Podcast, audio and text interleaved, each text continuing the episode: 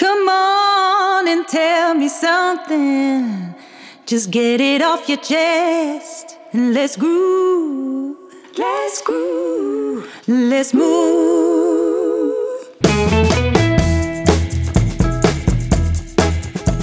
René Overmars werd geboren in Rotterdam en groeide daar ook op. Van jongs af aan bestond er voor hem slechts één keuze: tandarts worden. Hij werd, na begonnen te zijn bij rechten, nageplaatst in Utrecht bij zijn studie van voorkeur, tandheelkunde. Na zijn eerste jaar bij de faculteit kreeg hij een negatief studieadvies. Ondanks dit advies zette René toch door en behaalde in 1987 zijn bul in sneltreinvaart. Na zijn studie begon hij in een kostenmaatschap zijn praktijk in Apeldoorn. De praktijk wist hij tot een zeer goed lopende praktijk uit te bouwen met 12 kamers en 4 miljoen omzet. In 2010 verkocht hij zijn praktijk in Apeldoorn aan de keten samenwerkende tandarts. Na een aantal jaar startte hij als tandartsimplantoloog een verwijskliniek in Amersfoort. In 2019 verkocht hij deze praktijk wederom. Luister naar deze podcast van mijn goede collega en visionair René Overmars. De Tandarts, Vrijheid en Meesterschap podcast. De podcast vol wijsheid, tips en tricks over communicatie, teambuilding, leiderschap en het marketen van goede tandheelkunde. En bovenal jouw opstap tot financiële vrijheid en jouw succes. Welkom bij de Tandarts, Vrijheid en Meesterschap podcast. Het is vrijdag 17 september 2010. De eerste bijeenkomst na de zomer van onze club Big Office. Als ik de donkere vergaderkelder van Hotel Fiji in Zeist binnenkom, ruikt het bedompt naar tomatensoep en koffie. In het schemerlicht zie ik de collega om iemand heen staan. Het is René die in het middelpunt van de kring staat.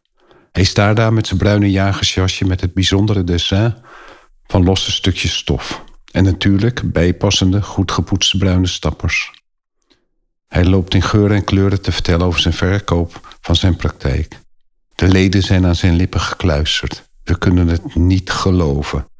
Een van de best draaiende praktijken met volledige taakdelegatie verkopen aan een keten. We zijn ontsteld. Ik vraag aan hem, waarom aan een keten René, waarom jij? Ik begrijp het niet. René antwoordt met zijn iets wat geaffecteerde stem. Onze praktijken zijn te groot geworden rond en wij zijn te goede ondernemers. We hebben monsters gecreëerd. Jonge collega's schrikken ervoor terug om erin te stappen. Ze willen wel, maar kunnen niet. Ketens zullen ons voorland zijn. Ik zwijg en mijn gedachten gaan op de loop. Een voorgevoel bekruipt mij. Come on and tell me something. Just get it off your chest and let's groove. Let's groove. Let's move. René, leuk. We, we zitten hier in jouw praktijk. Uh, ik kan eigenlijk zeggen dat dat waarschijnlijk jouw praktijk niet meer is. Hè? Je hebt uh, langzamerhand... Uh, uh, ben je uit al je praktijken gestapt. Waarom ik jou interview is, jij was in 2010 een van de eerste, of mijn eerste vriend, kennis, die zijn praktijk verkocht aan een keten. En um, het verhaal wat je toen hield maakte ongelooflijke indruk op me. je vertelde, jongens, het zijn gewoon monsters wat wij hebben, de praktijken. Um, wij kunnen die niet meer verkopen aan jonge tandartsen. Ze zijn te groot. En we moeten een grote opkoper hebben die onze praktijken kunnen kopen. Want niemand trapt daar meer in. Zoiets zei je toen de tijd. Um, het grappige is, uh, je bent op een gegeven moment toch weer uh, uit, de, uit de keten gestapt. En je bent weer zelf een praktijk begonnen. En daarna heb je opnieuw je praktijk verkocht. Dus je bent nu voor het eerst de eerste kennis die twee keer zijn praktijk heeft verkocht. En een ander punt waarom je heel belangrijk bent. Ik heb natuurlijk zelf mijn, uh, mijn praktijk verkocht. En jij hebt mij de, de fiscalist uh, heb je mij uh, aangeraden, Hans Jansen. die voor mij onderhandeld heeft. En daar ben ik je nog steeds ontzettend dankbaar voor. Want Hans Jans heeft echt een uh, voortreffelijk stukje werk uh, uh, gedaan. Niet alleen omdat hij goed onderhandeld heeft, maar hij heeft ook de emoties bij mij weggehaald in het onderhandelingsproces. Want het zijn toch dingen die je zelf nooit gedaan hebt. En um, Nou, dat is dus de reden dat ik je vraag. Dat je, dat je op dat punt. Je hebt mij de schellen van de ogen doen vallen. wat betreft het verkopen van je praktijk. Ik heb altijd op de KNT-manier gedacht. En je hebt me in contact gebracht met een ongelooflijk goede onderhandelaar. I have a dream. Hoe is jouw reis begonnen in de tandheelkunde? Uh, ja, eigenlijk als uh, kind van jaar 4, 5 uh, had ik het idee van uh, ik word tandarts. Totaal geen vader, oom, familie of wat dan ook. Uh, out of the blue, gewoon tandarts, dat word ik. En het was ook heel simpel, want je ging gewoon door naar de Universiteit voor Tandkunde. Op een gegeven moment ben ik daar uitgenood. En geen punt, uh, jaartje recht is ook goed. En tot mijn verbazing werd ik uh, nageplaatst. In, in, Utrecht was dat ook? In Utrecht, ja. ja in Utrecht uh, uitgenood. Toen dacht ik, ik ga een jaartje rechten doen. En oktober, november werd ik nageplaatst tandkunde. En na, na goed zes jaar was ik tandarts. En dan? En dan, ja. En dan was er een overschot aan, tanden, aan tandartsen. Welk jaar was dat? Uh, 87. 87. dus dat betekent dat je nummer uh, eh, 200 zoveel. Dus toen moesten eerst 200 zoveel tandartsen uitstappen of stoppen. Met pensioen gaan. Ja, en ik denk, jeetje man, dat, dat, wat is dit nu? in die tijd gingen veel tandartsen naar Duitsland of Italië. En ik heb nog steeds een diploma vol stempels uh, met, uh, van het ministerie della Sanità. Uh, je zou in Italië beginnen? In Italië, ja. Okay. nou, niet beginnen, maar gewoon ja, werken. Een vriendje van mij, Paul, Paul die, die ging. Ik zeg, ja Paul, ik ga eerst even het geld verdienen... en dan kom ik je wel achter. In Nederland geld verdienen? Ja. In, gewoon als, als, als waarnemer. Ja, als ja, waarnemer. ja we, we, hadden gewoon overal waargenomen. En ehm, en toen kwam ik in Apeldoorn terecht in een, uh, in een maatschap. En die hadden een computer. Nee. In, in 89. Ja, iedereen denkt, ja, uh, big deal. maar die hadden een, uh, een computer met een DOS, MS-DOS-programma. Maar daar werd dus alles ingevoerd en, en gedeclareerd. En in al die andere waarneempraktijken zag ik gewoon de tandarts met zijn vrouw gewoon facturen schrijven s'avonds. Ik dacht, ja, dat is niks voor mij. En toen kwam ik daar en het was voor drie, vier maanden. En, en, die, en die, collega die bleef maar ziek. En uiteindelijk heb ik uh, na een jaar die praktijk overgenomen. Als uh, onderdeel van de kostenmaatschap ja. uh, was ik een derde eigenaar. En daar was ik ja, een soort commissarisfeest en gezelligheid. Want die anderen waren al 15 jaar bezig. Die was de jongste luitenant? Ja, uh, ja, corporaal, sergeant. Mannetje van alles. Ja, er werd, werd mij niet veel uh, toebedeeld. Luitenant uh, toe, toevertrouwd eigenlijk. En, maar ik, ik, ik, wat ik wel kon, was de, de paro, de flap operaties. want dat was mij standaard in mijn pakket in Utrecht had, had je... Oh, de, was parodontologie echt een Utrecht-ding? Ja, ik had daar... Want endo's niet, toch? Of ook? Nee, endo's, endo's niet. Hielden nee, niet nee, van, toch? Nee, we, we hadden nog de zilverstift uh, ja, ja, en dat, uh, programma. En moesten jullie ook nog uh, bacteriën kweken? Ja, ja, dat ja. ruiken? Ja, ja, ja, ja. Nou, ruiken, dat, we deden het gewoon meteen in de kogelsterilisator. Dan wist je zeker dat die, dat die negatief was. En... Of positief. Uh, nou, één van twee. Maar, positief voor je verdere studie. Je kon verder. En, ja. uh, maar, maar we hadden al flapoperaties. Dus, uh, dus in Apeldoorn heb ik onwijs veel geflapt. De eerste twee, drie jaar. Uh, omdat zij dat niet deden. En eigenlijk was het één grote speeltuin. Want we hadden een grote praktijk met kinderen. En als je ze instuurde voor orthodontie, duurde het uh, vier jaar voordat ze aan de beurt waren. Drie, vier jaar. Zo ze, lang was de wachtlijst? Ja, 15, 16 jaar. Nou, weet je, dat is wel kansloos. Nee, ja.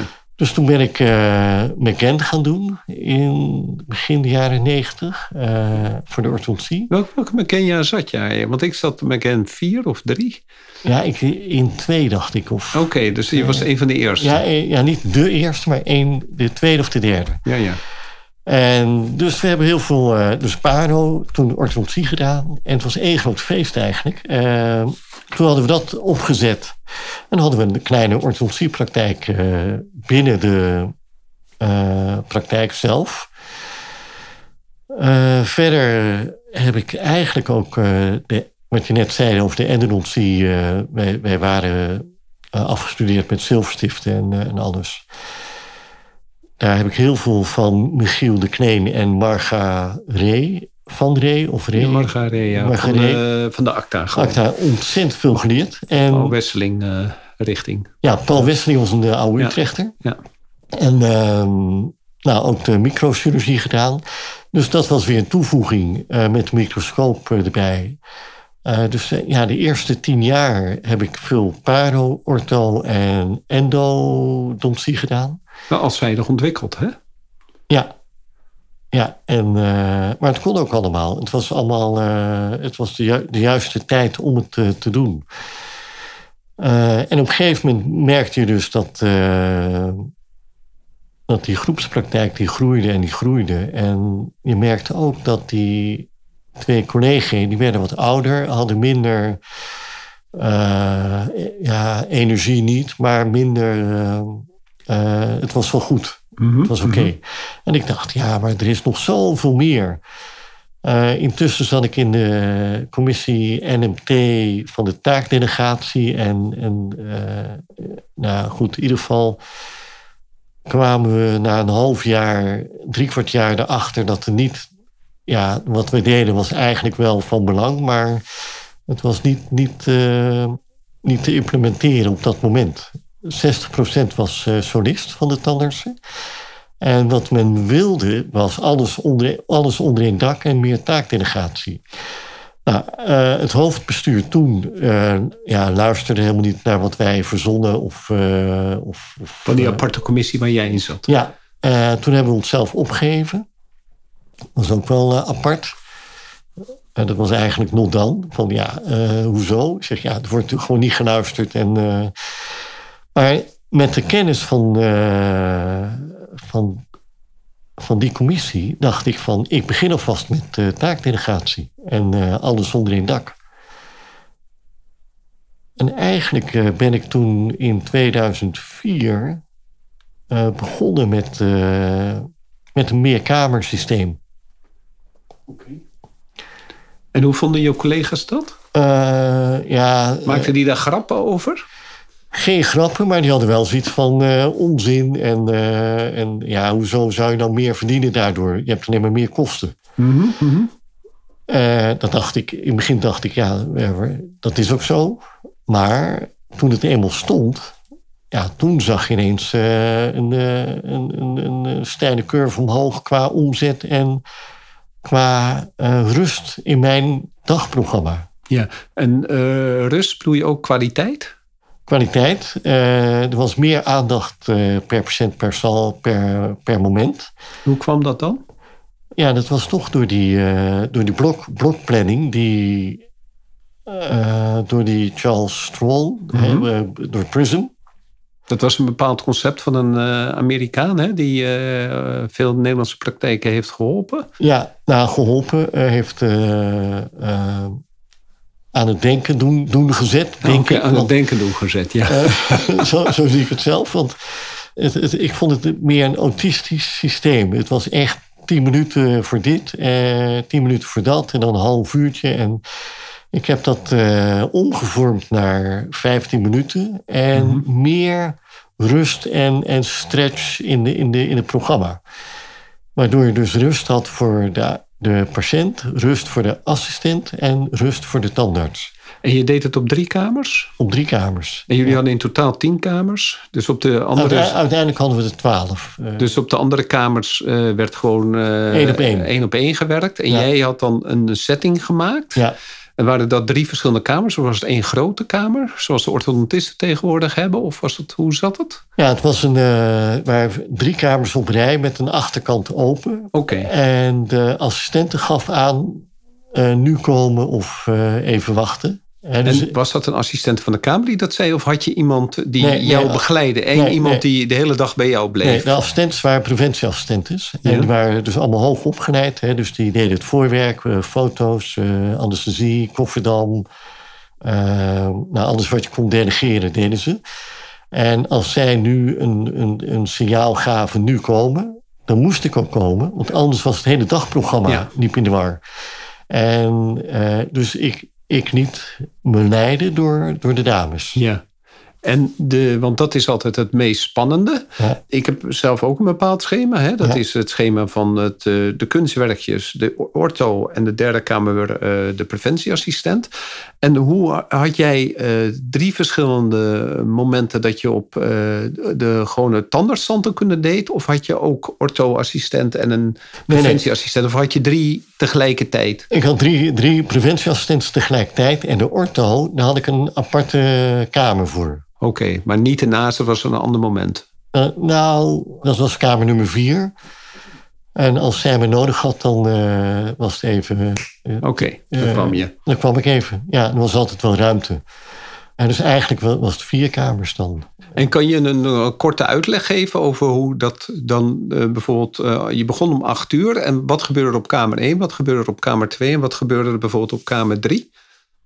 Ja, het was heel simpel. Eh, op kamer 1 eh, kwam, een, kwam iemand binnen. Kamer 2, kamer 3. Hè, dus om acht uur drie mensen tegelijk.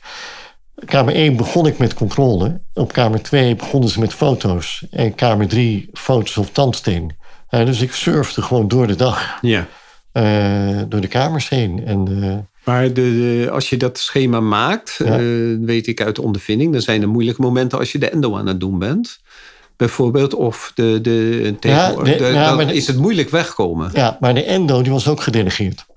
Oké, Ja, dat was. eh, eh, ik deed dan de opening. Ja. Eh, en dat was een pijnklacht, dus die werd geopend, die, die Mhm. endo. En als ze terugkwamen voor, af, voor, de, voor afmaken, dat was ook een delegatie. Dus ik had ook een, een, een opgeleide assistent die endo's deed Ja. toen. Dat was met. Al- met Albert de Zil was dat Ja. toen. Die, die deed dat heel veel. Mhm. En dan was ik erg onder de indruk. En die, eh, dus mijn dames hebben ook bij hem zijn opleiding, haar, hun opleiding gedaan. En dat werkte perfect. Ja. Die, eh, de endo's die zij deden waren ja, eigenlijk mooier dan van de gemiddelde tandarts bij ons in de praktijk. want de, de schoonheid van endo wordt vaak bepaald... of iemand de rust heeft om het te maken. Ja, En, en het protocol volgt. volgt. Ja. En als er iets eh, afwijkend was, dan moesten ze even stoppen. Hè, en dan moest ik erbij komen. Hè, dus er werden geen eh, dingen afgeraffeld of wat dan ook. En dus, dus- dus in die zin hadden we gewoon een heel mooi eh, gebalanceerd programma. En had je veel dode tijd daartussen? Of want, want, Nou, dood, dood. Ik had veel momenten voor mezelf. Ja, je kunt het dood noemen, maar je kunt ook zeggen van... eh, want je bent naast eh, behandelaar, ben je ook manager van die hele praktijk. Dus je had ook een moment om even andere kamers eh, te bekijken en aan te sturen. Ja, en het heeft me toen de tijd altijd moeite gekost om mensen uit te leggen dat, eh, dat je soms als team in een flow kwam. Heb jij dat ook ervaren? Dat mensen de buitenstaander niet wisten hoeveel rust het opleverde? Eh, klopt, omdat je, je moet het eh, ervaren. En als je het ervaar, ervaren hebt, dan, dan is het eh, ja, één groot feest. Maar dat kan alleen bij goed opgeleide pre- preventieassistentes. Dus het duurt even voordat je die flow hebt bereikt. En kan je, kan je een tip van de sluier lichten hoe jij de jonge preventieassistentes, vaak jong hè? Want, die, die, want die zijn goed eh, op te leiden. Ja. En die hebben vaak de handvaardigheid hoe je dat deed. Heb Ja. je, had je daar een bepaalde academy voor? Of? Ja, wat, wat we deden was eh, iemand die nieuw binnenkwam, die moest eh, binnen drie maanden eh fluor geven en foto's kunnen maken. En als ze na drie maanden konden blijven, dan, of eh, bleven, dan eh, deden we een anesthesiecursus. Ik had zelf eh, een eh edudent, hè, een anesthesie of hoe heet het, een eh scholings, eh, opleidingscentrumpje. en daar ik had ooit een assistent naar een anesthesiecursus uh, gestuurd in Berg op Zoom. Nou, dat was drie keer niks, want ze mhm. had op een sinaasappel geprikt en, en een certificaat anesthesie gegeven. Ik denk, kansloos, dat, dat doe je niet. Dus ik heb toen zelf die cursus ontwikkeld. En onwijs goede cursus, vond ik. Uh, maar daardoor kon, kon, je ze dus ook direct inzetten. Het was niet alleen de, slagen cursus eigen vlees. We kregen ook heel veel mensen van buiten. En uh, we hadden ongeveer, ik geloof, 60 dames per jaar op die cursus. dus dat deden ze. En daarna deden ze een, eigenlijk een soort subspecialisatie van naar de preventie Eerst anders, na de anesthesie preventieopleiding. Na de preventie kon je of naar de ortho-kant of de, het kleine het afwerken van vullingen. Of uh, de ortho-kant, had ik het net genoemd. Uh, sierlingen of, de, of met endo's uh, ja. kon je doen. En de, van Erik Tak, zijn praktijk, tandheelkunst, die, dan boorden zij de, de, de caviteiten. En dan van het begin tot het eind maken daar de assistentes de, uh, de vullingen. Bij jou, jij noemde het afwerken? Of is het, ja, was het uh, ja, dus niet het volledige vullen deden ja, zij? een paar, een paar deden okay. Twee, die, die echt, die echt daar, ja, die daar feeling mee hadden. Ehm, en net met, met de gedelegeerde endo, en het waren ook maar één of twee, waarvan de één uh, dat meisje was uh, hartstikke goed, maar die was zo autistisch als een deur. En die, mm die deed gewoon precies volgens protocol. Ja. En, en daardoor had je goed resultaat. Ja. en dat is gewoon eigenlijk. Uh, je moet kijken wie je wat laat doen. En de een is wat handiger en heeft meer zelfdiscipline dan de ander. Hè, voor je het weet, denken ze: oh, dat kan ik ook wel. En dan en dan voor je het weet heb je gewoon uh, een, probleem. Een, groot, uh, ja, een groot probleem. Ja. dus, dat, dus dat hadden we heel strak afgekaderd. En, en dan werkt zo'n drie, vier kamer programma ja, perfect. Agenda planning. Ja. Dus dat hebben we gedaan. En verder ben ik toen, toen verder die praktijk die groeide en bloeide, ben ik de implantologie gaan doen. Toen Wanneer was dat? was het een jaar of tien? Uh, voor mezelf, nee, jaar of uh, 15. 15, oké. En, en waarom ben je dat gaan doen? Omdat er een leemt in de, in de praktijk was? Of het gevoel dat je iemand uh, steeds weg moest sturen? Wat? Wij hadden wel een implantoloog, maar die had dan net te weinig uh, patiënten om, om te blijven. Dus toen ging die weer weg. En ik denk, nou, dan doe ik dat zelf wel. En het was ook... implantologie werd een voorspelbare onderdeel van de tandkunde. In het begin was het van 1, 2, 3 godsnaam. En nu is het gewoon voorspelbaar. Dus dat hadden we toen, uh, de chirurgie en de implantologie hadden we er ook bij. Ja, want je, was, uh, je deed al veel parodontologie, dus was, uh, je was niet bang om op te klappen, nee, hè, waar veel tandartsen bang voor zijn. Ja. En waar had je de cursus gedaan, om te beginnen? Cursus? geen. Geen? Nee. wie, wie, wie, was jouw... Ik, heb, ik heb veel gekeken bij, bij Sander McLean Pont. -hmm. Daar heb ik onwijs veel van geleerd. En dan ging je gewoon een middag langs als, om te assisteren? of hoe ging dat? Ja, meekijken. En ook bij Paul van der Kroft, uh, ook een jaargenoot. En uh, dus was wel geestig. Er zijn patiënten, oh, u, u, komt het, u komt net even kijken. U komt het vak ook leren. Ja. En uh, toen dacht ik, nou, ik heb een praktijk met uh, twaalf kamers. En uh, ik denk, zeg ja meneer, ik ben jongste bediende nu. en nee, prima. Voelt ook goed soms, ja, hè? Ja, dus ik, ik, heb heel veel bij, bij vriendjes gekeken. Maar echt een hele dag ernaast. En niet zozeer dat alles goed ging. Je leert van het moment dat het fout gaat. Of dat het anders loopt. En hoe was het dan de eerste keer? Want uh, het is natuurlijk hartstikke spannend. Je hebt al die nieuwe spullen in huis. Uh, de assistenten die lopen met groene doeken nee, te stoeien. Nee, nee, het was heel mooi. Sander uh, McLean die zei toen van... ik voel me niet zo lekker. René, doe jij het even. En toen dacht ik, oké. Nou, dus handschoenen aan, jas aan. En, en gewoon... ja, ja, het klinkt misschien een beetje een beetje vreemd, maar het is gewoon net als een aap. Hè? Gewoon na, naapen is het. En, ja. uh, en, ik, en ik heb gewoon uh, gedaan wat hij, zoals hij dat deed. En het was gewoon uh, prima. Ja. Tussentijds heb je al geoefend op kunstkaken en, en, en dat soort dingen. Verder heeft Nobel had natuurlijk heel veel cursussen. Daar heb ik heel veel cursussen gedaan. Maar goed, als je het eenmaal gedaan hebt, dan is eigenlijk het, uh, het plaatsen van de implantaat uh, makkelijker dan het boeren van de, van de, van de gaatje. Ja, dat is weer waar. Ja. Dus dat, uh, en ja, dan ben je, ben je er doorheen. En dan is het gewoon trial and error. En dan, en dan kun je het. Dan ja. je het. Maar het belangrijkste met de implantologie is gewoon, sowieso tandkunde, is gewoon driedimensionaal denken. Ja. van wat zit nou onder dat tandvlees? En er zit veel meer. Dat is gewoon net als uh, in, in, een huis. Je zit in de kamer, maar daarnaast heb je nog een kamer. Uh, daaronder of daarboven, daar zit van alles. Als je driedimensionaal denkt, doet, beweegt, ja, dan, dan, is, uh, dan is het geen probleem. En het eind voor ogen houden natuurlijk. Ja, ja, ja zeker. Ja, ja. Je had het net over uh, dat je eraan dacht hè, om uh, tandheelkunde te doen.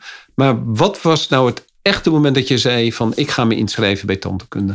Ja, dat is er niet, uh, Ron, sorry. Het, ik was vier, vijf jaar en, ja. en toen zeiden ze wat wil je worden? Ik zeg tandarts.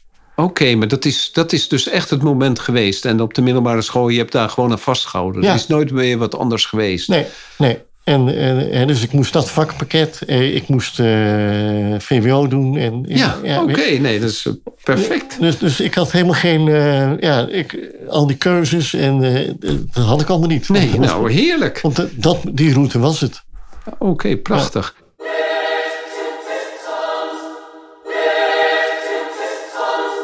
Als je nou terugkijkt aan jouw praktijkcarrière, wat is het, uh, hetgene wat het, uh, de grootste boost aan jouw praktijk heeft gegeven? Wat heeft jouw praktijk in een stroomversnelling gebracht?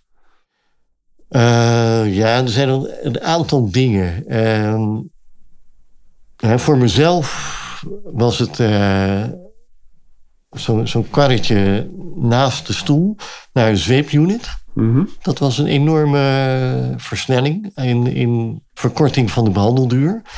En waarom dan? Je zat veel korter bij. Uh, bij zo'n zo'n garagemodel moest je gewoon verder rijken, en verder erin en eruit. En zo'n zweep was gewoon veel, veel sneller. Dat scheelde echt per behandeling vijf, vijf zeven minuten of zo. Mhm. Dat was één uh, winstpakker. Toen de digitale agenda. dus uh, in plaats van mevrouw de Wit. Ja, wie is nou mevrouw, welke mevrouw de Wit? En uh, dus met die digitale agenda was het dan veel strakker en veel mooier gepland. Dus toen ging de, was, was de tweede winstpakker. De derde winstpakker was de, de blok, blokplanning van de agendaplanning. Hè, van, in blokken van de Strong Prison. En de vierde was uh, taakdelegatie. Dat was uh, de boost. Dat was de boost. Dat was de boost, ja. Dus dat zijn de vier boosten. En als je een jongere collega zou aanraden om uh, deze vier stappen te doen, nou, de, de, de eerste twee die zijn wel uitgekristalliseerd, hè? de zweepunit ja. en de, uh, en de, de computer, die werken wel. Maar, de, maar de, blok, de, blok, de blok ook, de blokplanning, die is ook nog uitontwikkeld. Denk je dat? Het, als ik zo om me heen kijk, merk ik dat, dat het vaker een, een verzamelbak is, een agenda, dan dat er echt nagedacht is hoe er gepland gaat worden. Uh, ja. ja. Je kan het niet voorstellen, maar nee. dat, er wordt niet 100% gebruik gemaakt van een blokplanning in de, in de Nederlandse tandartspraktijk. Nou, maar misschien komt het omdat wij dat uh, niet hadden en, en zijn ermee gaan werken en hebben gezien wat voor een uh, voordeel heeft uh, gegeven. Waardoor je dus gewoon ook je, je blokplanning gewoon custom-made maakt. Ja, ja. Je maakt... kan je niet meer voorstellen, je kan je niet voorstellen dat er tandartsen zijn die zonder blokplanning werken. Jawel, ja, als je op één kamer werkt, prima. Maar ik kan me niet voorstellen dat zij niet snappen als je op twee, drie kamers werkt, waardoor het niet goed loopt. Het, uh, maar goed, dat is misschien mijn, mijn probleem, dat ik niet kan verplaatsen in een ander, dat hij dan een probleem ziet, terwijl dat geen probleem is. Dat, uh... En, de, en de, voor de jongere collega, de taakdelegatie, hoe zou je dat. Uh, Oké, je begint een nieuwe praktijk. Hoe zou je dan zeggen. Uh, ik wil, dat iemand zegt: Ik wil met taakdelegatie beginnen. Welke stappen moet hij dan nemen? Ja, ik zou, ja, stap voor stap. Uh, ten eerste, je moet wel je preventie of je assistenten moet je vertrouwen. Hè, vertrouw erop dat ze het goed doen. het hoeft niet perfect als het maar goed is. Want beter dan jezelf, uh, denkt iedereen, kan bijna niet. Maar dat, is wel zo namelijk. Inmiddels, uh, eh, 34 jaar later, weet je gewoon nou ja, dat, dat er mensen zijn die het gewoon veel beter kunnen dan jij. En, en dat is niet erg. Hè? Maak er gebruik van en, en laat ze ja, genieten van het werk wat ze doen. Ja. Voor, voor jou, ja. voor de patiënt dus die, die jonge tandartsen, gun je assistent het vertrouwen dat ze het kunnen. En als ze een keer fout maken, is niet erg. Want hoe vaak maak jij een fout?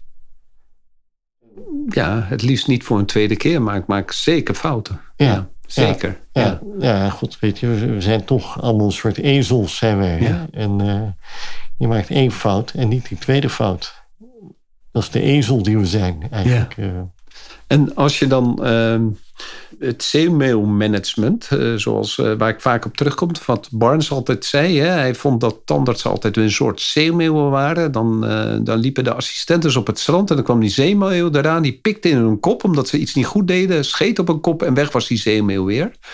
Wat waren jouw stappen als iemand een fout maakte om diegene toch een stap weer verder te brengen. Had je daar een bepaalde manier van uh, werken mee? Jazeker. Ja, maar niet, niet als uh, zeemeel. Nee. Ehm, ik weet nog goed dat we hadden een preventieassistente. Ontzettende handige dame was dat. Die moest een, een, een, een MO, vier, nou, een MO of een DO maken. En die exponeerde. Mm -hmm. Dus die kwam helemaal in de stress. Uh, ik heb geëxponeerd, dit en dat. Dus ik uh, naar, naar naartoe en dus uh, even gekeken, keurig afgedekt en, en gevuld en klaar. patiënt weg en, en zij was helemaal verbaasd. Zegt ze, Waar, waarom word je niet, niet boos? Ik zeg, ja, niet boos. Ik zeg, weet, ah, denk je dat ik nog nooit geëxponeerd heb? He, zeg, ik heb, he, wie zonder zonde is, werpen de eerste steen. En Zeg, het mooie is, je hebt nu geëxponeerd, dus je weet nu de volgende keer waar je niet moet zijn. En ze ging aan de slag. En daarna heeft ze, ja, bij mij weet ook niet meer geëxponeerd of, uh, of wat dan ook. En dus uh, je leert van de fouten. Hè? Hoe meer fouten je maakt, hoe meer je leert. En uh, nogmaals, niemand is zonder, zonder zonde. En, en ook met in de tandkunde. Je wordt pas expert als je veel fouten gemaakt hebt, hè? Ja, ja. ja. Uh, ik weet, uh, er was een keer een congres in Amerika van uh, implantologen. Wie heeft er wel zijn zenuw geraakt? nou, de halve zaal stak zijn hand op en de andere helft niet. En, die, en hij zei ook van ja, die andere helft heeft of geen ervaring of durft het niet te zeggen. Zeg, elke implantoloog heeft een grote kans op raken van de zenuw. Dat is gewoon part of the deal, helaas. Helaas. Helaas, ja. ja. Het gebeurt. Down! It's about to get real in here! René, wat is jouw grootste struggle uit jouw praktijk? Dat was uh, toen ik de praktijk net had overgenomen in Apeldoorn. Dat was in 1990. Uh, ik werkte één dag in een instelling. Uh, dat contract dacht ik over te hebben genomen van de voorgaande tandarts. Maar dat werd opgezegd uh, twee weken na de overname. Daarnaast had ik een rechtszaak met een assistente die uh, twintig jaar bij mijn voorganger in dienst was. Dus ik, uh, ik kwam, al met al kwam ik op een tekort van, ik geloof 80.000 gulden toen. En nou, eind van het jaar kom je bij de bank en die, die zei van, uh, ja, de cijfers zijn niet zo goed. Ik zeg, ja, maar dat komt daar en daar en daardoor. Ja. Ik kan het gewoon benoemen. Ja, maar de afspraak is dit en dit en dat. En toen dacht ik, oké, dit is dus de grote mensenwereld. Dan zei ik, ik hoor, ik, ik hoor wat u zegt, ik begrijp wat u bedoelt. En volgend jaar zitten we hier weer. Dus toen heb ik mezelf uh, op een uh, heel klein maandscenaris gezet de komende drie jaar. Vier jaar, echt uh, heel weinig. Schuld was afgelost, pand was afgelost. En daarna nooit meer een, een, een groot mensengesprek gehad. Hoeven hebben. Hoeven hebben, ja, ja met de bank. Ja. En um, ja, dus, dus, heeft, dat, heeft, dat je nog, uh, heeft dat je ook verder in je leven beïnvloed, dat ja, moment? Zeker, zeker. Altijd uh, met, uh, kijk, die praktijk is natuurlijk gegroeid van, van de één kamer naar, naar, naar acht, naar, naar veel, veel. Ik heb altijd heel conservatief begroot en heel strak geïnvesteerd. En uiteindelijk heeft dat toch uh, zijn vruchten afgeworpen. En wat is strak investeren? Uh, nou, Want je, je, ik heb je niet, uh, je, je, als ik in jouw praktijk kwam, was alles modern. Ja, maar je, je kunt een stoel voor, je kunt, ja, je kunt iets voor 40.000 neerzetten, maar je kunt ook voor 30.000. je kunt ook zeggen, we, we, wachten even met, met dit. en niet van, we zijn nu toch bezig, dus die 20 kan er ook wel bij. En nee, gewoon, oké, 40 is, is de begroting. We gaan kijken of we voor 30 kunnen. Even op uh, absolute cijfers is dit niet, maar ongeveer een verhouding. En, ja, en soms moet je gewoon even je mond houden en, en gewoon doorwerken. En dan op een gegeven moment zie je dat, dat, dat je uit de investeringen loopt. En dan komen de revenuen pas. En heeft dat, uh, heeft dat jou, uh, want een, uh, jezelf op een klein salaris zetten, zelfs drie jaar. Ja, en dan heb vier je, jaar geloof ik. Vier jaar. En dan heb je best veel mensen in dienst, hè? of ja. mensen op ZZP'ers. Ja. Heeft dat uh, geen uh, vrevel bij jou uh, gewekt? Dat die, nee. dat die jongere met ongelooflijk mooi salaris naar huis gingen... en dat jij met een klein salaris nee, thuis nee, zat? Nee, toen, toen was ik nog een van de kostenmaat, een okay. van de maten. Ja, ja. ja. Dus een van de drie. Ja, dus dat telde toen niet. Maar ik, ik snap wat je bedoelt, dat een, een ZZP'er soms met meer geld naar huis gaat dan, een, dan de eigenaar. Ja. Ja, maar uh, waar jij bedoelt is waarschijnlijk als je, uh, je je praktijk verkocht hebt en dan als ZZP'er terugkomt. Maar goed, je verdienmodel zit in de earn-out of in, het, in, het, ja. in, de, in de doorschuifverkoop uh, van de private equity mm -hmm. dan. Ja, dus dan moet je even wat ruimer denken. Maar inderdaad, het klopt. Een ZZP gaat met, per saldo met meer geld naar huis dan, dan jezelf. Ja. ja. Maar goed, als je het allemaal optelt uh, na 34 jaar, dan komt die ZZP'er nooit bij jou in de buurt. Nee, dat is natuurlijk zo. Ja, dus, uh, ja. En, en gun een ander wat. Ja, maar het is natuurlijk ook zo. En dat, uh, de, je, je bent natuurlijk ondernemer. Hè? En een ja. ZZP'er is op papier ondernemer, ja. maar is natuurlijk geen ondernemer. Ja, en, en Ron, heel eerlijk, ik kon dat bedrag omlaag schroeven, omdat ik gewoon uh, een hele, uh, nu mijn vrouw, toen mijn vriendin, de vakanties uh, financieren. Ja, ja, ja. dus ja, ik. ja, je was gewoon een twee-eenheid. Nee, waar, je had een sponsor. Wel, ik had een sponsor. Ik had een fan. En, nee, nee wij, wij, wij, wij, zijn inderdaad een twee-eenheid. Want het leuke is, zij, uh, zij was toen... Uh, studeerde geneeskunde. Was toen, ik, ik werkte al. Zij was toen klaar. En zij is gaan werken met een heel klein bedrijfje. fase 1 onderzoek. En ze werd daar hoofd van een arts onderzoekersteam. Het was toen uh, eind, jaar, eind 20. En ik zag dat dat bedrijf dat groeide van 10 naar 40, naar 120, naar 200. En het leuke was dat je zag bij die groei van die organisatie dat, je, uh, dat mensen niet functioneren bij 40, wel bij 10. En die bij 40 functioneren, functioneren niet bij 100 mensen. Dat heb ik ook gezien in mijn praktijk, dat je gewoon van 10 mensen naar 30, 35, 40 mensen groeit. Dus die organisatiemodellen waren anders. Dus ik zag dat bij haar gebeuren. We hadden het daar vaak over, hè, als hoofd van die artsafdeling. En toen dat bij mij gebeurde, kwam zij weer met haar advies en, uh, en input. Dus dat was, uh, ja, dat was heel leuk om, te, om, om, dat te zien. Ja. En dus je hebt uh, jouw vrouw als adviseur gehad in deze? Altijd. Ja. Altijd. altijd ik ben altijd door haar met beide voeten op de grond gezet. Want zij was arts en ik was een soort, uh, ja, ik ben toch tandarts, uh, foparts. Foparts. en, dus, nee, maar misschien wat gekheid. Nee, maar zij, zij, zij was heel, ja. Als, Sliep een paar fases voor steeds. Met die zij uitbreiding. Was het, zij was het geweten van, zou je dat wel doen?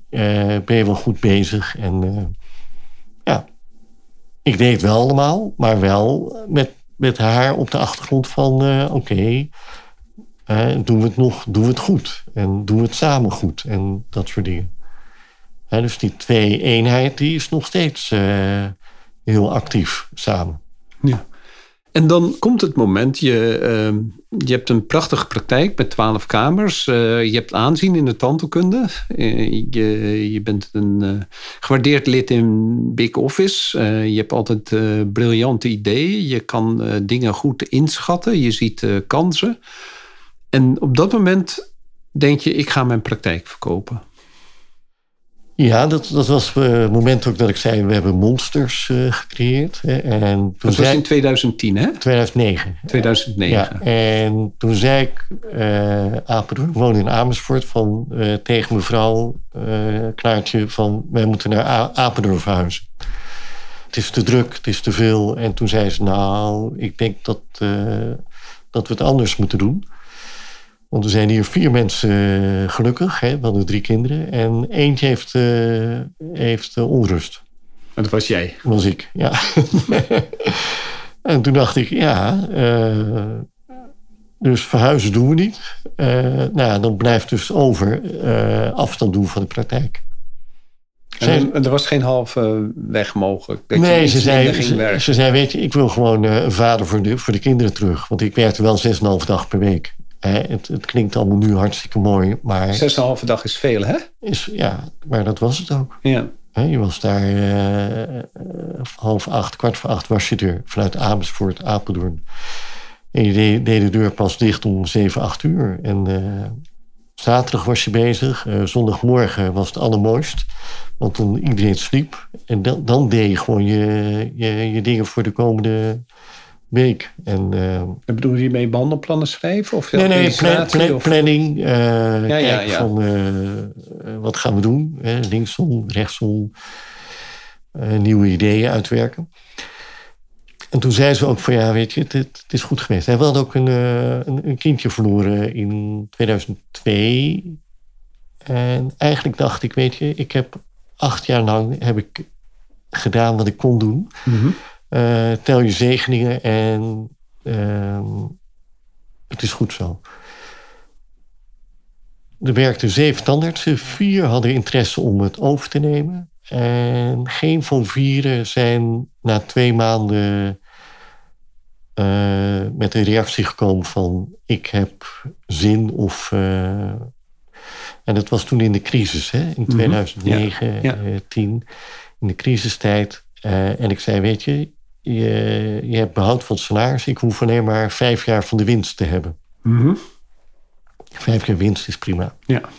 En er zat nog, we hadden 4 miljoen omzet en we zouden groeien naar 4,5. Dat was in ja. mijn uh, businessplan. Gewoon nee. En toen dacht ik, ja, uh, dan gaan we het anders doen. Uh, toen heb ik verkocht aan een keten. En in drie maanden tijd was het klaar. Ja. Was het rond. En heeft het je de rust gebracht die je had gehoopt? Absoluut, absoluut. Want de kinderen waren toen net in de pre-puberteitfase. En we hebben die, die puberteitsfase waanzinnig goed uh, doorlopen.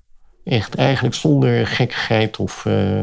Maar kon je dan zo snel terugschakelen? Van 6,5 naar 5? Of hoe ging dat? Ja, ja eigenlijk wel, ja. Of nog minder dan 5? Nou, ik werkte geloof ik drie dagen toen, of drie of vier. Dus je kon je ook veel meer met de opvoeding en je was gewoon thuis als ze uh, met hun huiswerk bezig waren. Ja. En, uh... Nou ja, papa was uh, niet meer moe. Oké. Okay. Papa was niet papa moe. Had, papa had meer energie. Ja, en, en die kon gewoon meegaan in, de, in hun buien. Ja. Wat natuurlijk niet de bedoeling is. Als, hè, de pubers verwachten natuurlijk dat je tegengas geeft. Maar, maar je was nu buigend riet. Een Alping. Ik was een Alping. Je veerde mee? Ja, gewoon een Alping. Dus, uh, dus dat was eigenlijk een... Uh, ah, mooi dat... dat dat, nou goed, het leeft ook goed wat, wat cash op. Klaartje had, uh, had haar man terug. Uh, de, de, kinderen hadden hun vader terug. En ik had, uh, ik had weer tijd voor andere dingen. Dus het was eigenlijk een win-win situatie. Oké. En dan toch op een gegeven moment beslis je van... ik ga toch nog ergens een praktijk beginnen. Ja, ja. Dat, ja of dat verstandig is, is een tweede. Maar ik heb het wel gedaan, omdat papa die thuis zit, is niet goed. Dus dat is niet goed. Dat is geen goed voorbeeld voor de kinderen. Dus uh, uh, ik, ik, denk wel eens, heb ik nou ADHD of, of wat dan ook? Volgens mij niet. Maar ik zit je bent ondernemer. Je ziet overal kansen. Dat kansen, is het probleem. Precies, dat ja. is het probleem. Nou, en het leuke was, kijk, Apeldoorn was natuurlijk optimale taakdelegatie, optimale kamerplanning. alles klopte gewoon. En ik wilde nu eens met nul patiënten starten in Amersfoort om te kijken van wat gebeurt er. Uh, je bent implantoloog, dus uh, ja, wie zit op jou te wachten als, als ja, die, die verwijzers die denken ook van uh, wie, wie is hij? Ja, wat kom je doen? dus we zijn begonnen gewoon met nul patiënten en nou, kijken wat gebeurt er. En het taakdelegatiemodel in de Apeldoorn was optimaal. en hier deed ik alles zelf weer. Hè, van anesthesie, foto, alginaat en en eigenlijk hebben we een hele leuke eh, groep mensen weer om je heen verzameld. En, uh, en ook dat concept werkt. Alleen, uh, daar hadden we het net bij de voorbespreking tijdens de lunch over. Financieel kan het niet uit. Ik kon het doen omdat ik Apeldoorn verkocht had. Maar als je zegt, dit is de manier waarop tandkunde gedaan moet worden, helemaal juist. Alleen, financieel kan het niet uit. Je bedoelt, er is geen goede boterham uit een, uh, nee. een praktijk te halen zonder taakdelegatie? Geen goede, uh, onvoldoende. Het, uh, als je up-to-date wilt zijn met allerlei, hè, met digitale workflow en, en alles, dan, en, en microscoop en, en, en, ja, weet je, dan, dan kun je eigenlijk niet zonder ta taakdelegatie goed, goed werken. En als je dus nu het nog een keer zou doen en je zou 30 jaar jonger zijn. Met de kennis van nu. Met de kennis van nu. Ja. Als, als ik over mezelf praat, ja. dan zou ik denken dat een vier of vijf kamer praktijk, waar je dus in de wandelgangen veel kan overleggen, een van de beste oplossingen is. En zeker omdat je in een vier, vijf kamer praktijk, als je die ook nog een keer in shifts gaat werken, heb je een 10, 8, 10 kamer praktijk. En volgens mij, zodra het groter wordt, dan moet je bijna met piepers gaan werken. Ja. Althans, ik heb een zes-kamerpraktijk en ik ben soms mensen kwijt. Klopt, nee, nee maar klopt. Het is wel geest, want uh, we hebben toen, uh, even kijken, dat Prism was uh, op drie kamers, hè, drie kamermodel. We hebben ook Catan gedaan. Hè? Daar, iedereen wilde alleen maar meer. Zes kamers, mhm. acht kamers. En uh, ja, ik, ik, moet natuurlijk niks zeggen. Ik heb uh, twaalf gehad. Mhm. Maar uh, de grootste beheersbaarheid is gewoon vier kamerpraktijk. Vier, misschien vijf. Omdat je inderdaad met shifts kun je, heb je geen vier kamers, maar heb je zeven kamers als je dat vol hebt. Want als je verdubbelt, je, je hebt meer veel meer mensen ook lopen. Maar met vier kamers is het overzichtelijk. En ben je nog een team dat voor elkaar wil werken. Met acht kamers, dan ben je gewoon uh, een afdeling. Dan is de verantwoording, uh, ja, maar dat heb ik niet gedaan. Ja, terwijl met vier kamers, dan doe je het voor elkaar. Dus ik, ik denk eigenlijk, al die, al, iedereen wil zes, acht kamerpraktijk ik denk qua uh, stabiliteit en, en, en team, teambuilding is gewoon een vierkamerpraktijk, vier, vijf max, ideaal. Dat ervaar dat heb ja, je. Ja, ik zou dat uh, zeker ja. doen. Ja. Maar dan zou ik ook adviseren van, uh, tegen, aan tandartsen, als ze beginnen, begin een tweekamerpraktijk, maar zorg in ieder geval voor dat je er nog twee of drie kamers bij kan doen. Dat je niet nog een keer hoeft te verhuizen. Uh, klopt. Maar dat inzicht, uh, ja, dat is een beetje moeilijk. Hè? Want uh, één kamer kan iedereen, twee kamers gaat wel. Drie kamers wordt lastig. En niet iedereen kan drie kamers werken. Het, het werk op zich kun je wel doen. Maar je, als je op drie kamers werkt, moet je gewoon vasthouden aan je agendaplanning. En luisteren naar je assistentes. En niet even dat funnetje erbij pakken. Of even dit, even dat. Dus dat vergt discipline. En ook een driedimensionaal denken van... Uh, oké, nu zit ik hier. Maar daar gebeurt uh, weer wat anders. Ja, ik ken ook praktijken. Dat, ze, uh, dat zijn de Duitse praktijken. Dan mag de tandarts helemaal niet meer denken. Ja. Dan heeft hij gewoon een persoonlijke assistent de hele dag naast hem. Die voor hem denkt wat er in andere kamers gebeurt. Ja. Dus dat je eigenlijk een secretaresse hebt die gewoon alles doet, zolang jij maar ja. doet wat je moet doen. Ja, nou, dat, had ik in Apeldoorn. Maar dan deden de, de drie preventieassistenten die in die eigen kamer, die deden dat uh, uit zichzelf. Die zeiden van, uh, hè, nu hier komen. Dus dat scheelt je weer. Een, ja. uh, een, een personal assistant. Ja. ja. Dat scheelt weer wat. En dus weer iemand die in de weg loopt. Hè? Loopt in de weg, ja. ja. Ja, precies. Wat Kruijf zegt, als je niet weet waar je loopt, loop je in de weg. Ja. dat is waar. De zeven zwoele vragen. Welk boek ligt er bij jou op het dagkastje? Uh, er ligt nu een boek van uh, Henk Schulte Noordholt, China en de Barbaren. Wauw. Ik, uh, ik moet er nog in beginnen, maar hij ligt, uh, hij ligt op een nachtkastje.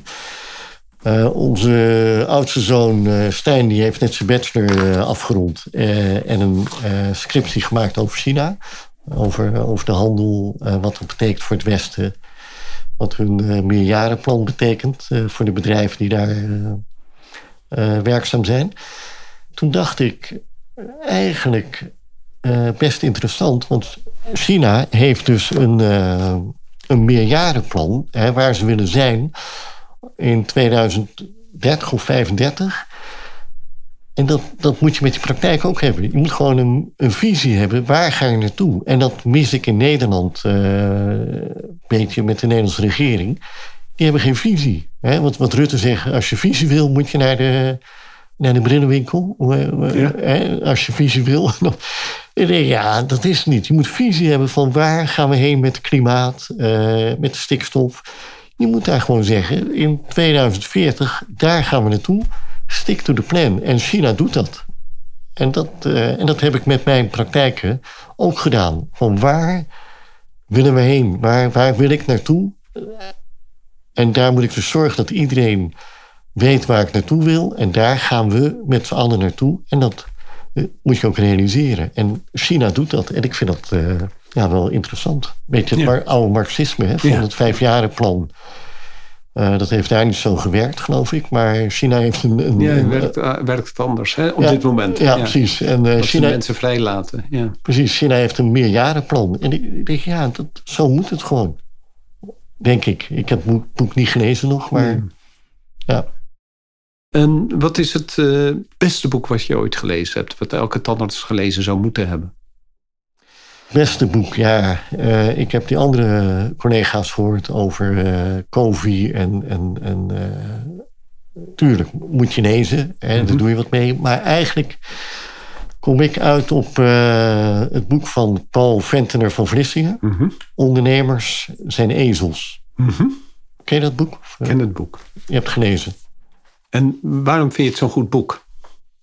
Er staat een stukje in. Een ezel heeft iets klagerigs. Is niet bedreigend voor zijn omgeving. Gaat stapje voor stapje voorzichtig, maar hardnekkig op zijn doel af. Bovendien heeft de ezel het voordeel dat hij al voortschokkend zijn eigen pad volgt en niet ongecontroleerde wilde sprongen van een opgestrikt raspaardje maakt. Daarbij heeft de ezel grote oren om goed te luisteren. Zegt hij iets, dan komt er een stokkend geluid uit zijn keel dat zelfs de vogels even stil doet zijn. de ezel komt waar hij wezen wil, in tegenstelling tot de meeste managers, stoot hij zich niet tweemaal aan dezelfde steen. Amen. Amen. Ik dacht, verdomme, dat ben ik. ik, ik ben een ezel. Dat is toch een inzicht. Dat is een inzicht, Dat is een ja, inzicht. ja. En je stoot je niet tweemaal aan dezelfde steen. Als ondernemer eh, weet je gewoon van, eh verdorie, dat gebeurt me één keer en geen tweede keer. Nee. Dus dat zijn allemaal van die dingen. Dat ik, ja, een ezel. Een, ehm, er was ook een ander verhaal. Dat was een, eh, een coach.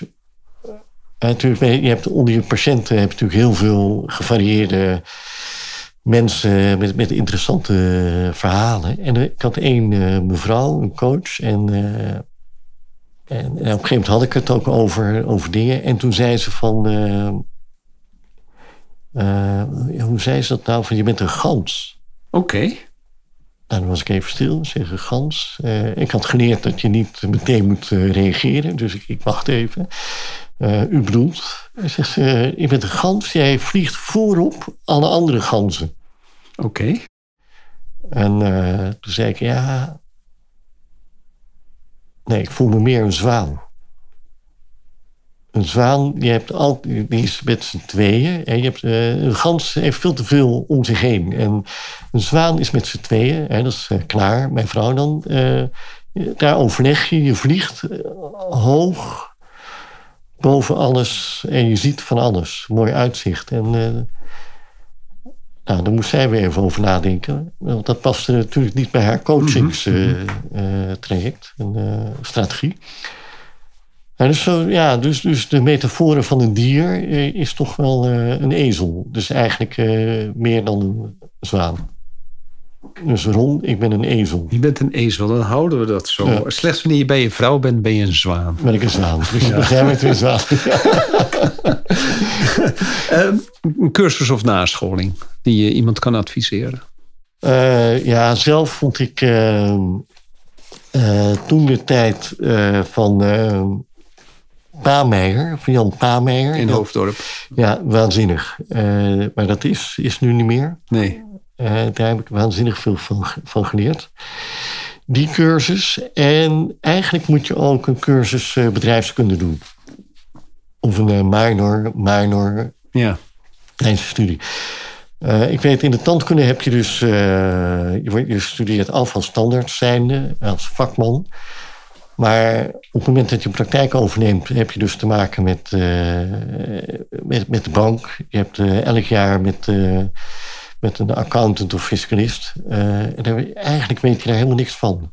Dus ik heb, toen ik de praktijk overnam... heb ik een jaar lang de Elsevier's belastinggids naast mijn bed gehad. Elke, elke avond las ik één of twee bladzijden. Want je moet ook een gesprekspartner naar je fiscalist of accountant zijn, maar ook naar je bank. Hè, Want Ja. die, dat zijn natuurlijk allemaal eh, van die strakke jongens met een, eh, met, een, met een pak. De ene heeft een goed pak, de ander heeft een fout pak. De ene heeft witte sokken aan. En dat je denkt, jeetje, die gaat mij vertellen wat ik moet doen. Ja, je moet zelf zorgen dat je weet waar je het over hebt. En eh, Ja, ik ben, daar, ik ben daar helemaal met je eens. Ik heb eh, dan niet de belastinggids gelezen. Ik ben in 1990 ben ik, eh, heb ik kort HBO gedaan. ja, En eh, dus commerciële economie. En dan met, Ja. met als bijvakken dan belastingrecht ja, en boekhouden. ja, En dan commerciële economie, wat ik natuurlijk het allerleukste vond.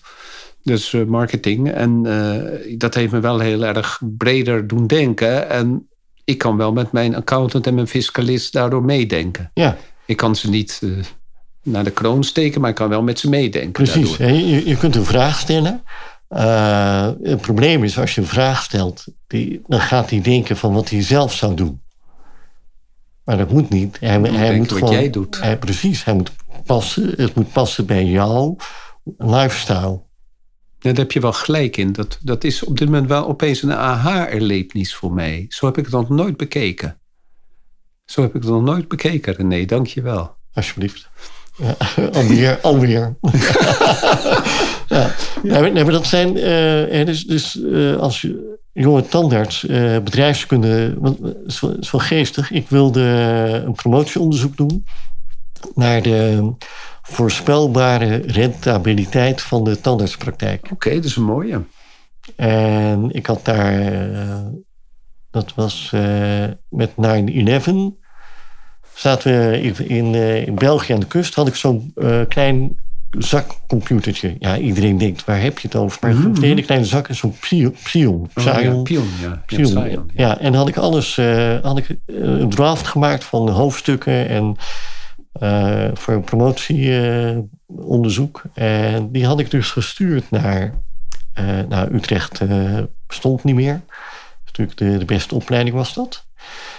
daarnaast heb je Amsterdam, Groningen, Nijmegen.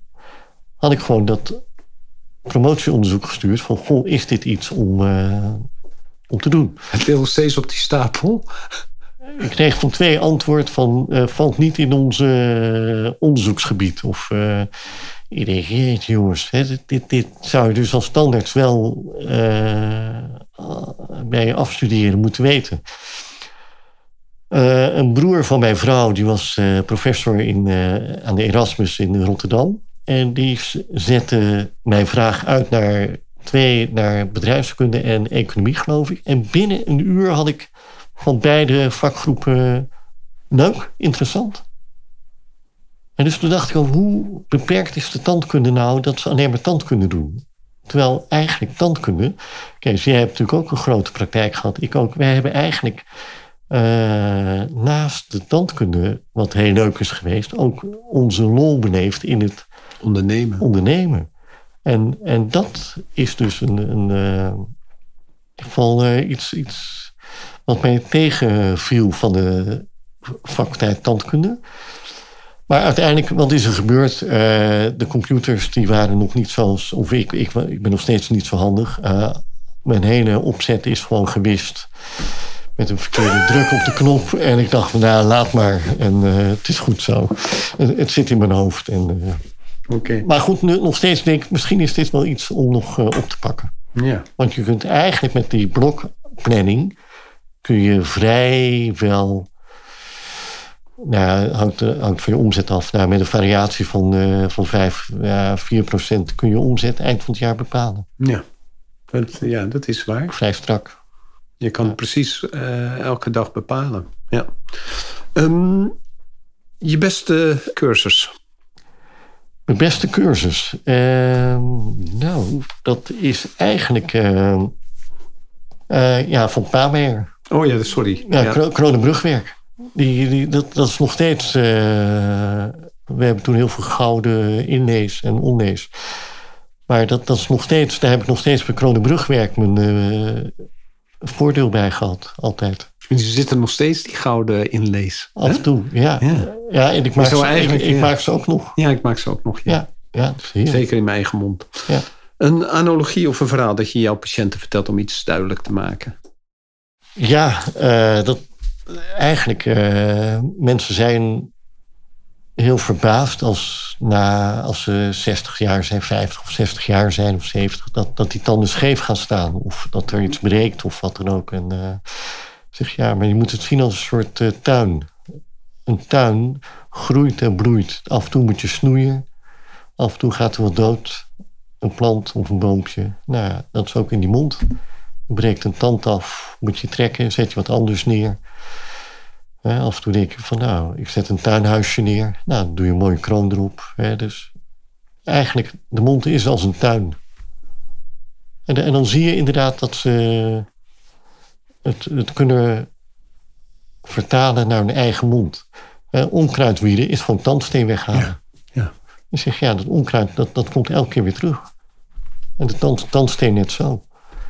Nou, dat, dat scheelt een hoop uh, wrijving eigenlijk. En dan ja. uh, zeg, gaat u daar maar mee, mee naar huis. Over nadenken, kijk in de tuin. En dan kijk in de spiegel. En dan uh, zeg maar wat u wilt. Ja, mooi.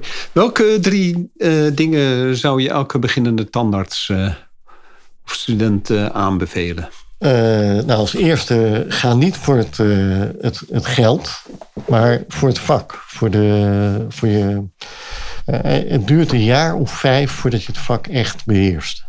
Voordat je, dat je zonder stress zweet je een, een dag doorkomt.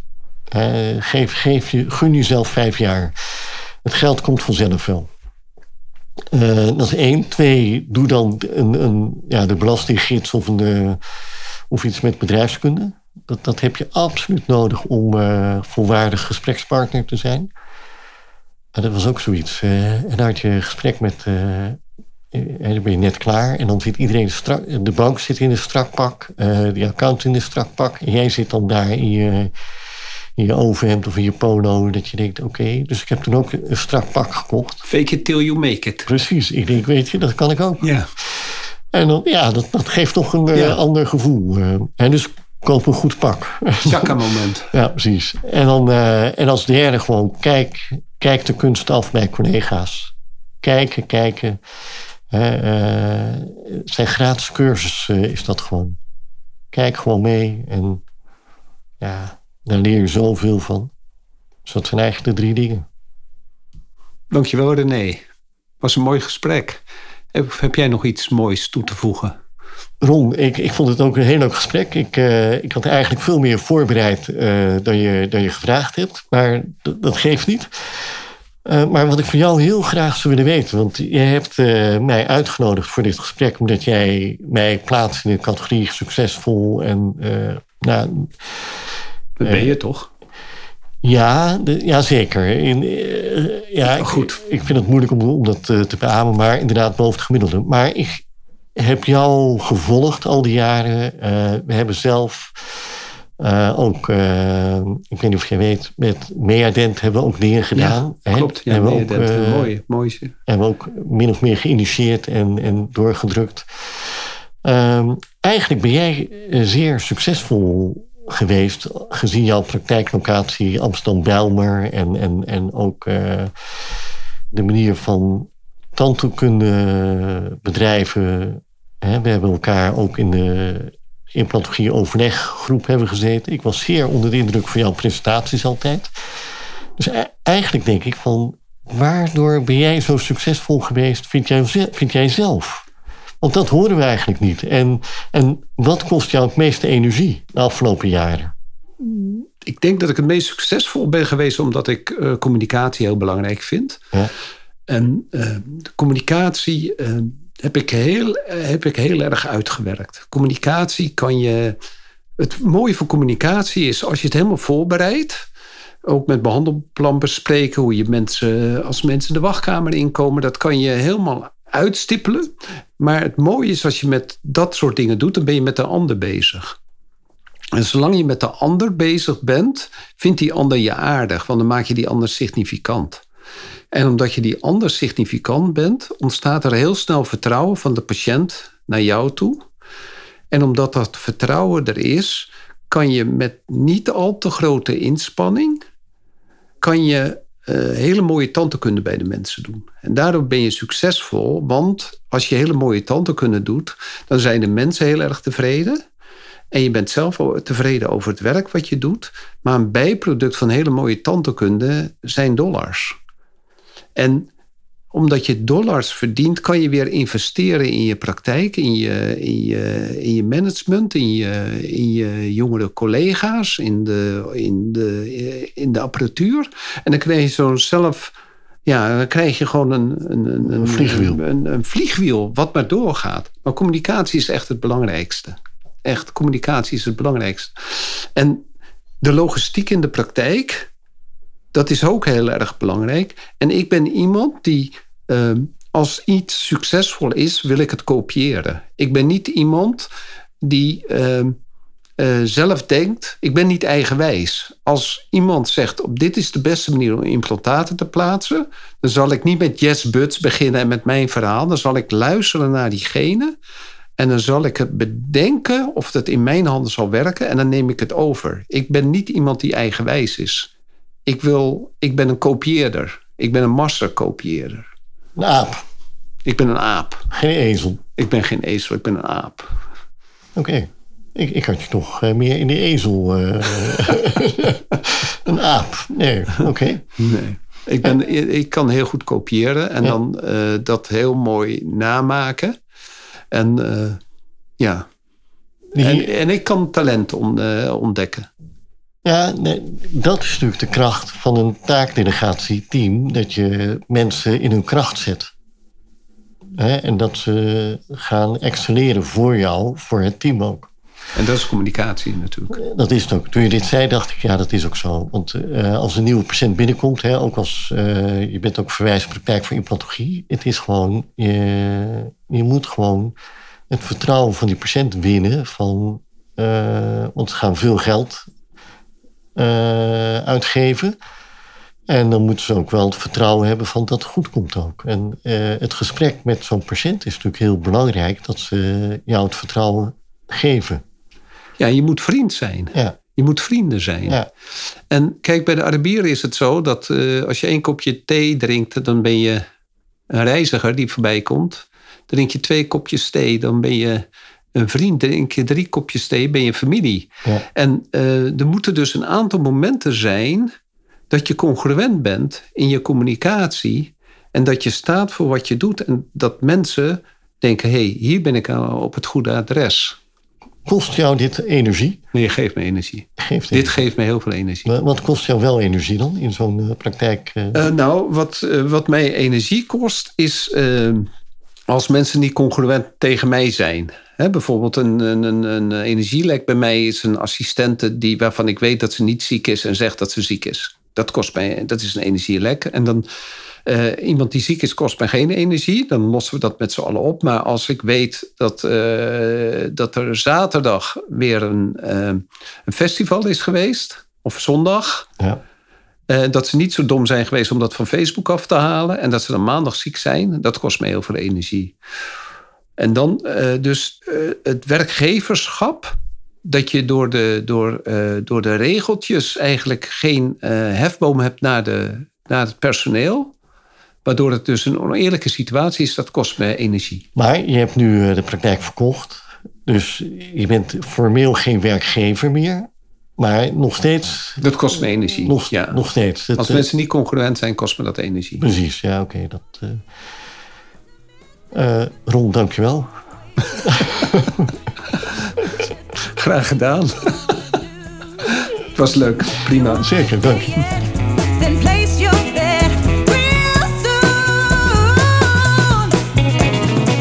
Super dat je weer luistert naar een aflevering van de Tandartsvrijheid en Meesterschap podcast. Ik zou het zeer op prijs stellen als je een review achter zou laten. Je kunt je ook abonneren op deze podcast. Klik dan in de podcast-app op de button subscribe en je ontvangt automatisch een berichtje bij een nieuwe aflevering. Ken je iemand die deze podcast ook leuk zou vinden? Deel deze dan. Via Spotify kan je dat heel simpel door op de drie puntjes te klikken en te delen. Je kan mij ook bereiken via mijn LinkedIn-account. Ik ben te vinden onder mijn naam Ron Steenkis. Nogmaals, dankjewel en tot de volgende keer.